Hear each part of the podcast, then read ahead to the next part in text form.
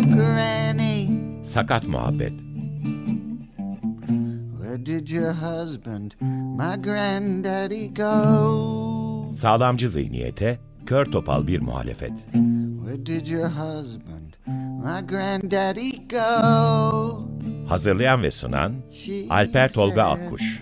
He went off to heaven just before you were born. She said went off to heaven just before you were born. And she said, You are the light of my life and the beat of my heart. She said, You are the light of my life and the beat of my heart. She said, You are the light of my life and the beat of my heart. She said, You are the light of my life and the beat of my heart.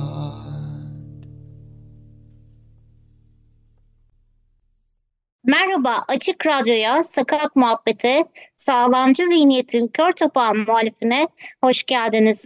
Ben Elif Gamze Bozo. Ben Alper Tolga Akkuş.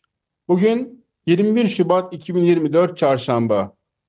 Destekçimiz Esra Sarıgedik Öktem'e teşekkür ederek başlamak istiyorum programa. Bu bölümde çok özel bir insanı sakat hareketi için, sakatlık camiası için çok özel bir insanın birinci ölüm yıl dönümüne birkaç gün kalmışken onun hakkında konuşacağız bahsettiğimiz kişi sakat haklarının, sakat aktivizminin annesi olarak biliniyor. Amerikalı bir kadın Judith Heyman'ı konuşacağız bu hafta. Judith Heyman'ın 75 yaşında bir sene önce 4 Mart'ta vefat etti ve onun ölmeden birkaç yıl önce çıkarttığı Being Heyman kitabı vardı. Tabii bunun üzerinden biz Elif'te kitabı da okuduk zaten hem bir sakat hem bir kadın olduğu için Elif'in tabii daha özel onunla ilgili görüşleri vardır. Kitabın Türkçesi yok. İngilizceden Deeply yapay zeka çevirmeniyle okuduk aslında. Ben öyle okudum en azından. Ve okurken duygulandık. Ben kendi açımdan bazı yerlerde tutamadım gözyaşlarımı ama bunlar mutluluk gözyaşlarıydı. Çünkü Amerika'daki şimdi bugün kıskandığımız o sakatların durumunun nerelerden geldiğini aslında gördük kitap okurken. Ben hemen sözü Elif'e bırakayım. Elif, Judith Heyman deyince neler uyanıyor senin aklında, zihninde? Bu süreçte aslında kitabı okurken kitabı yaşadım. Çünkü benzer hayatı, benzer mücadeleyi verdiğimizi fark ettim. Ve verdiğim mücadelede aynı ailenin bakış açısıyla ilham verici, yol gösterici ve engelli devriminin nasıl yapılacağını, dik duruşu, siyasetteki etkisi beni gerçekten çok etkiledi. Biliyorsun ki benim de ufak da olsa bir siyasetle ilgili çalışmalarım var ve bu benim için çok büyük bir yol gösterici rehber oldu bu kitap. Benim anlatacaklarım aslında çok uzun da bugün aslında yani çok duygulandığım noktalar da vardı. Annesinin ona yol göstermesi, kararlılığı, babasının mücadelesi. Yani aktivizmi sanki ailece üstlenmiş gibiydiler ve bu beni çok etkiledi. Bir an kendi yaşamımı gördüm kitapta. Kendi ailemi anlatıyormuş gibi hissettim. Beni bugün susturamayacaksın Alper çünkü ben kitabı bir daha yaşadım şu an. Ben susturmasam bile zaman bizim yerimiz susturacak seni öyle söyleyeyim. 20-25 dakikalık vaktimiz var açık ara iki haftada bir. Ya şeyden başlayalım. Doğumundan başlayalım. Judith Heyman'ın. Buradan bilmiyorum sesimizde bir şekilde gider. Açık Radyo, kainatın tüm seslerini Açık Radyo. Belki kainatın bir tarafında bu dünyadan gidenler bir yerlerdelerse eğer sesimiz de gidiyordur diye düşünüyorum Judith Heyman'a. Judith Heyman 18 Aralık 1947 tarihinde doğuyor ve çocuk felci nedeniyle de sandalye kullanan bir sakat kendisi. Ve çocuk felci aslında 47 yılı ilginç bir yıl.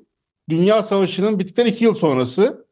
Ve Dünya Savaşı sonrası tüm dünyada bir mutluluk patlaması oluyor. Baby boom diyorlar buna ekonomistler. Nüfus patlaması oluyor.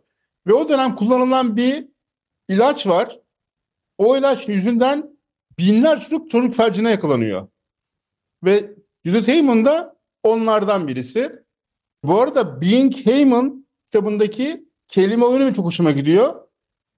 Heyman H-E-U-M-A-N-N soyadı Heyman'ın ve human İngilizce bilenler biliyordur. Human insan demek. Being Heyman aslında Heyman olmak ama insan olmak gibi bir kelime oyunu yapmış isminde Judith Heyman. Çünkü sakat insanlar insan sayılıyor mu? Eşit vatandaş olarak dünyada var mıyız'a bir gönderme yapmış kitabın ismiyle. Şey diyor kitapta, kendi yaşadığı mahallede sakat olduğumu okula gelme yaşı gelene kadar anlamadım ben diyor kitapta. Çünkü arkadaşlarıyla gidiyor, herkes onun arkadaşı, onu itiyorlar sandalyesini, bütün oyunlara katılıyor ve sakatlık diye bir şey olduğunu, kendisinin farklı olduğunun farkında olmuyor. İşte 47 doğumlu, 55-56 yıllarında diyelim bu yıllara. Senin var mı o, o konuda söylemek istediklerin? Aslında dediğim gibi çok şey var da söyleyecek. Tam da ben de aynı şeyleri yaşadım. Okula gidene kadar yani okul hayatım başlayana kadar her çocuk gibi işte sokakta oyunda oynadım. Mendil kapmacadır, saklambaçtır gibi birçok oyunlara dahil oldum. Judith Herman'ın da bahsettiği gibi hani orada diyor ya okula alınma sırasında yaşadığı ayrımcılığı anlatıyor. Ve benim okul müdürüm de aynı şekilde ben sakat öğrenci istemem dediği anda ben de aslında farklı olduğumu o zaman fark ettim. Ve hani o kelimenin sonradan hayatıma dahil olduğu ve aynı hikayeyi beraber yaşamışız gibi hissettim bir anda. Sanki o kitap yani benim için yazılmış gibiydi. Kitabı da umarım Türkiye'den bir yayın evi Türkçe'ye de çevirme şeyine girişir. Bu büyük bir macera biliyorum bu ekonomik durumları ama okula gitme hikayesi cidden zor. Okul alınmıyor. Ama annesini hep anlatıyor kitapta Hüseyin. Annesi olmaz, yapılamazı anlamayan bir insan. Öyle tarif ediyor. Ve annesinin çabalarıyla çünkü o dönem Amerika'da bir sakatlarla ilgili bir yasa yok. Sakatlar Türkiye'de, Hindistan'da, ne bileyim Afganistan'da nasıl bir yaşam varsa Amerika'da öyle bir yaşam var yani. 55'li 60'lı yılları söylüyoruz biz burada. Ve bir şekilde bazı sakatları alıyorlar okula. Ama onun bir derecesi var, bir şey var. Bir şekilde sonra annesi uğraşa uğraşa okula aldırıyor kızını. Ama şöyle bir şey var. PS 219 ismi bu arada o sınıfın. Özel bir sınıf. O PS işte parental bir şey vardır onun İngilizce olarak. Ve normal bir okulun ya da zemin katında ayrı bir şekilde eğitim görüyorlar ve sakatlar şöyle yani 5 yaşındakiler bir sınıf, 6 yaşındakiler bir sınıf değil. Herkes bir sınıfta 20 yaşında sakat da var, 6 yaşında sakat da var. İşte görme engelli de var. Bilişsel durumu farklı olan da var. Çocuk felci olan da var. Hepsi aynı yerde ve haftanın belli günlerinde birkaç saat eğitim veriyorlar. Amaç onları hayat hazırlamak değil. Eğitim vermiş gibi görünmek aslında bir anda Amerikalıların şeyi. İşte toplama kampına benzetmişler aslında bir noktasında. Tecrit edilmiş gibi sadece belli bir yerde alanda okutulması. Ama bu engellilerin bir yerde sadece tek bir yerde toplanarak okutulmasını ben çok doğru bulmuyorum. Sakatların aslında hem sakat olmayanlarla hem sakatlarla aynı ortamda eşit haklarda olması gerektiğine inanıyorum ve inanılmaz fark ediyor. Mesela sakatlar okuluna gitmeyen biriyle sakatlar okuluna giden biri arasındaki o farkındalık çok farklı. Ya pardon, sakatlar okulu diye bir okul yok bu arada. Normal bir okulda bir sınıfta bunlar. Onu söyleyeyim.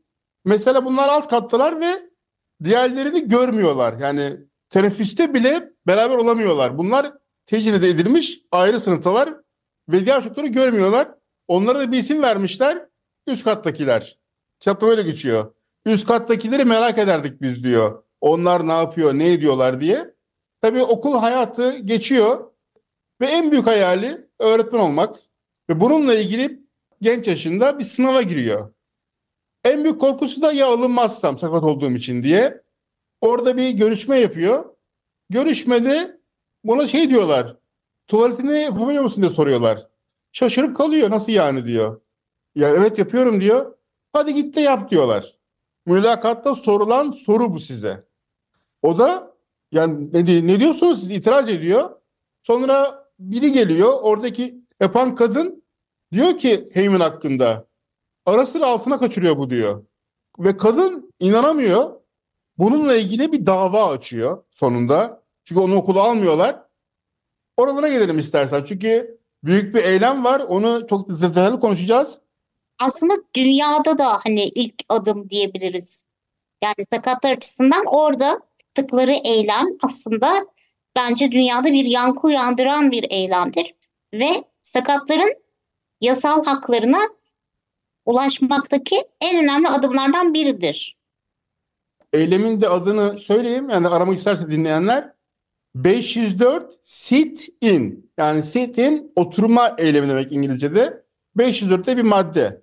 Şimdi Judith Heyman işe alınmıyor, dava açıyor. Bir arkadaşı var, gazeteci. New York Times'e bir yazı çıkıyor.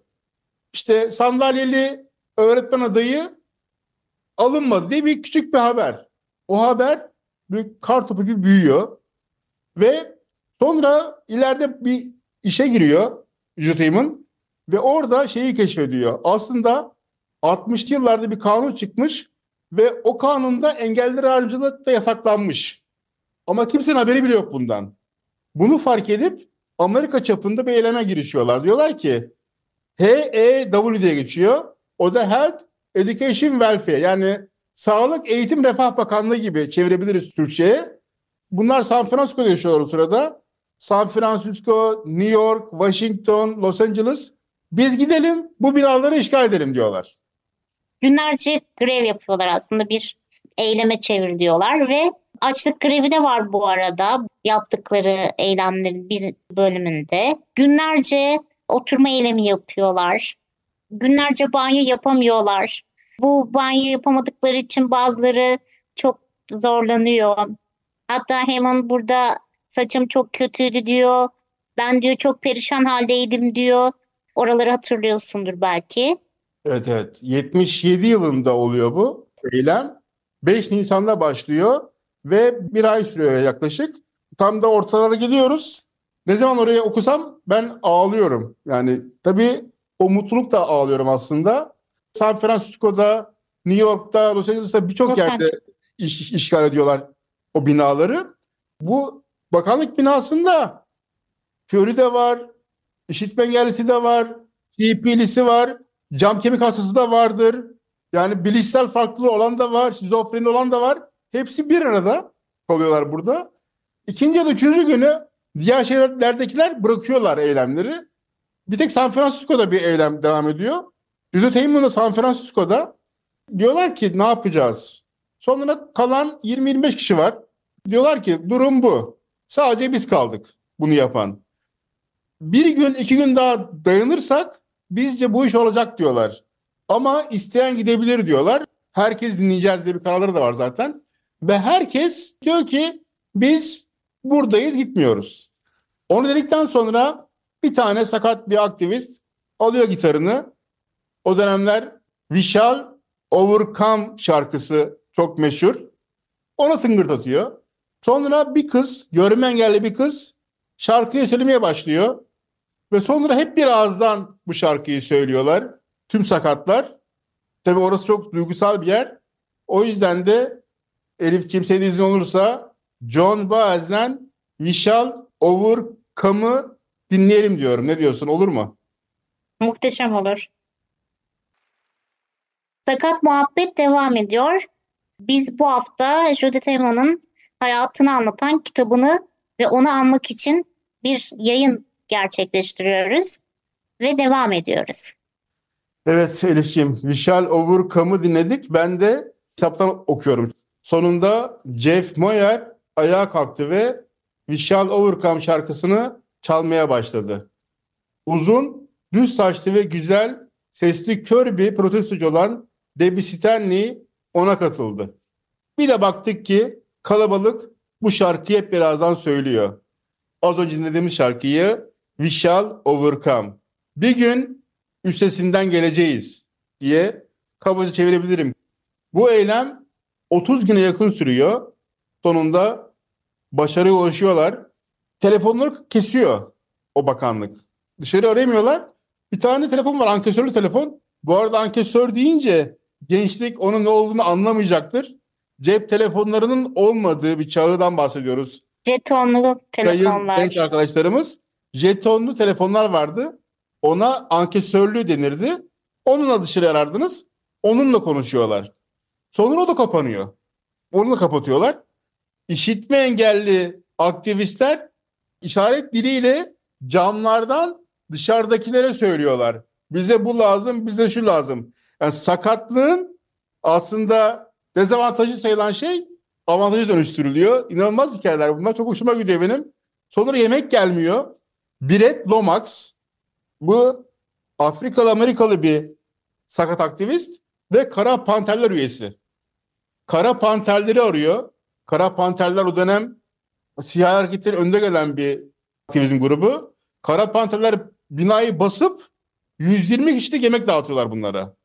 30 gün süren bu eylemden sonra Califano Evet, el- bunu imzalıyor.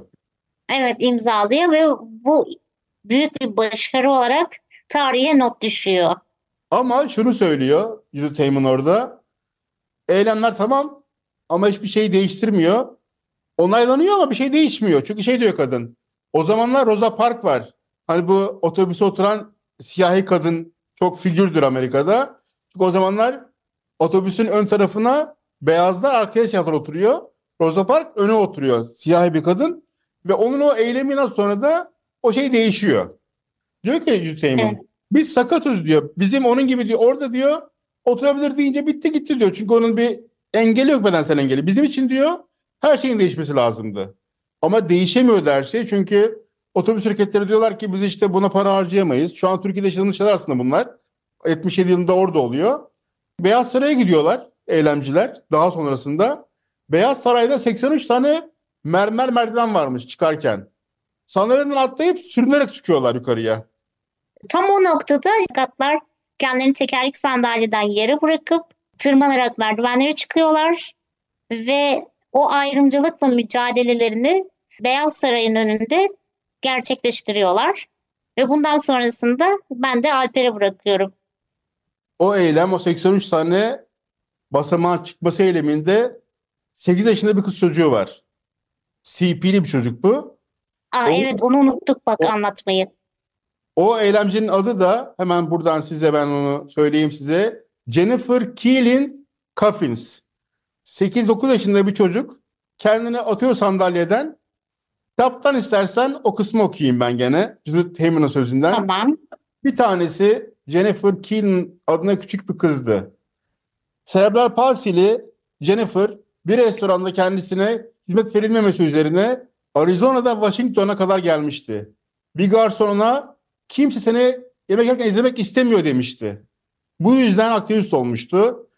Tırmanmak için dirseklerini ve dizlerini kullandı.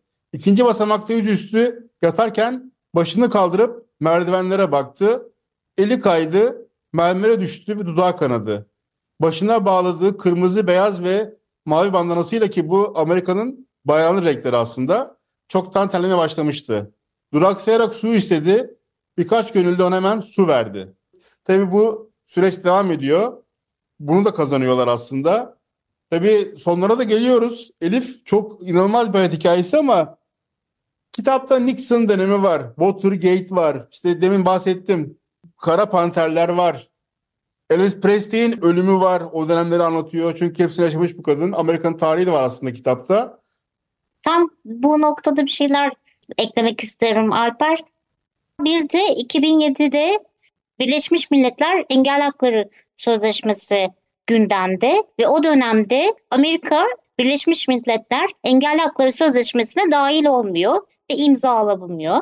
Ama Heyman çok güzel bir başarı daha elde ediyor bu süreçte. Obama'nın özel kalemi olarak siyasete giriyor ve güzel başarılar da elde ediyor. Engelli haklarını daha çok gündemde tutuyor Obama döneminde ve sonrasında Obama'dan sonra gelen Trump engelli haklarını kaldırıyor ve hatta şöyle bir şey daha ifade ediyor e, Heyman. Diyor ki Trump dönemine geldiğimizde diyor engelli haklarının birçoğunu kaybetmeye başladık diyor. Ama diyor mücadelemiz çok uzun. Mücadeleye devam edeceğiz diyor. Hatta Trump'ın sakat bir muhabiri aşağıladığını da ifade ediyor.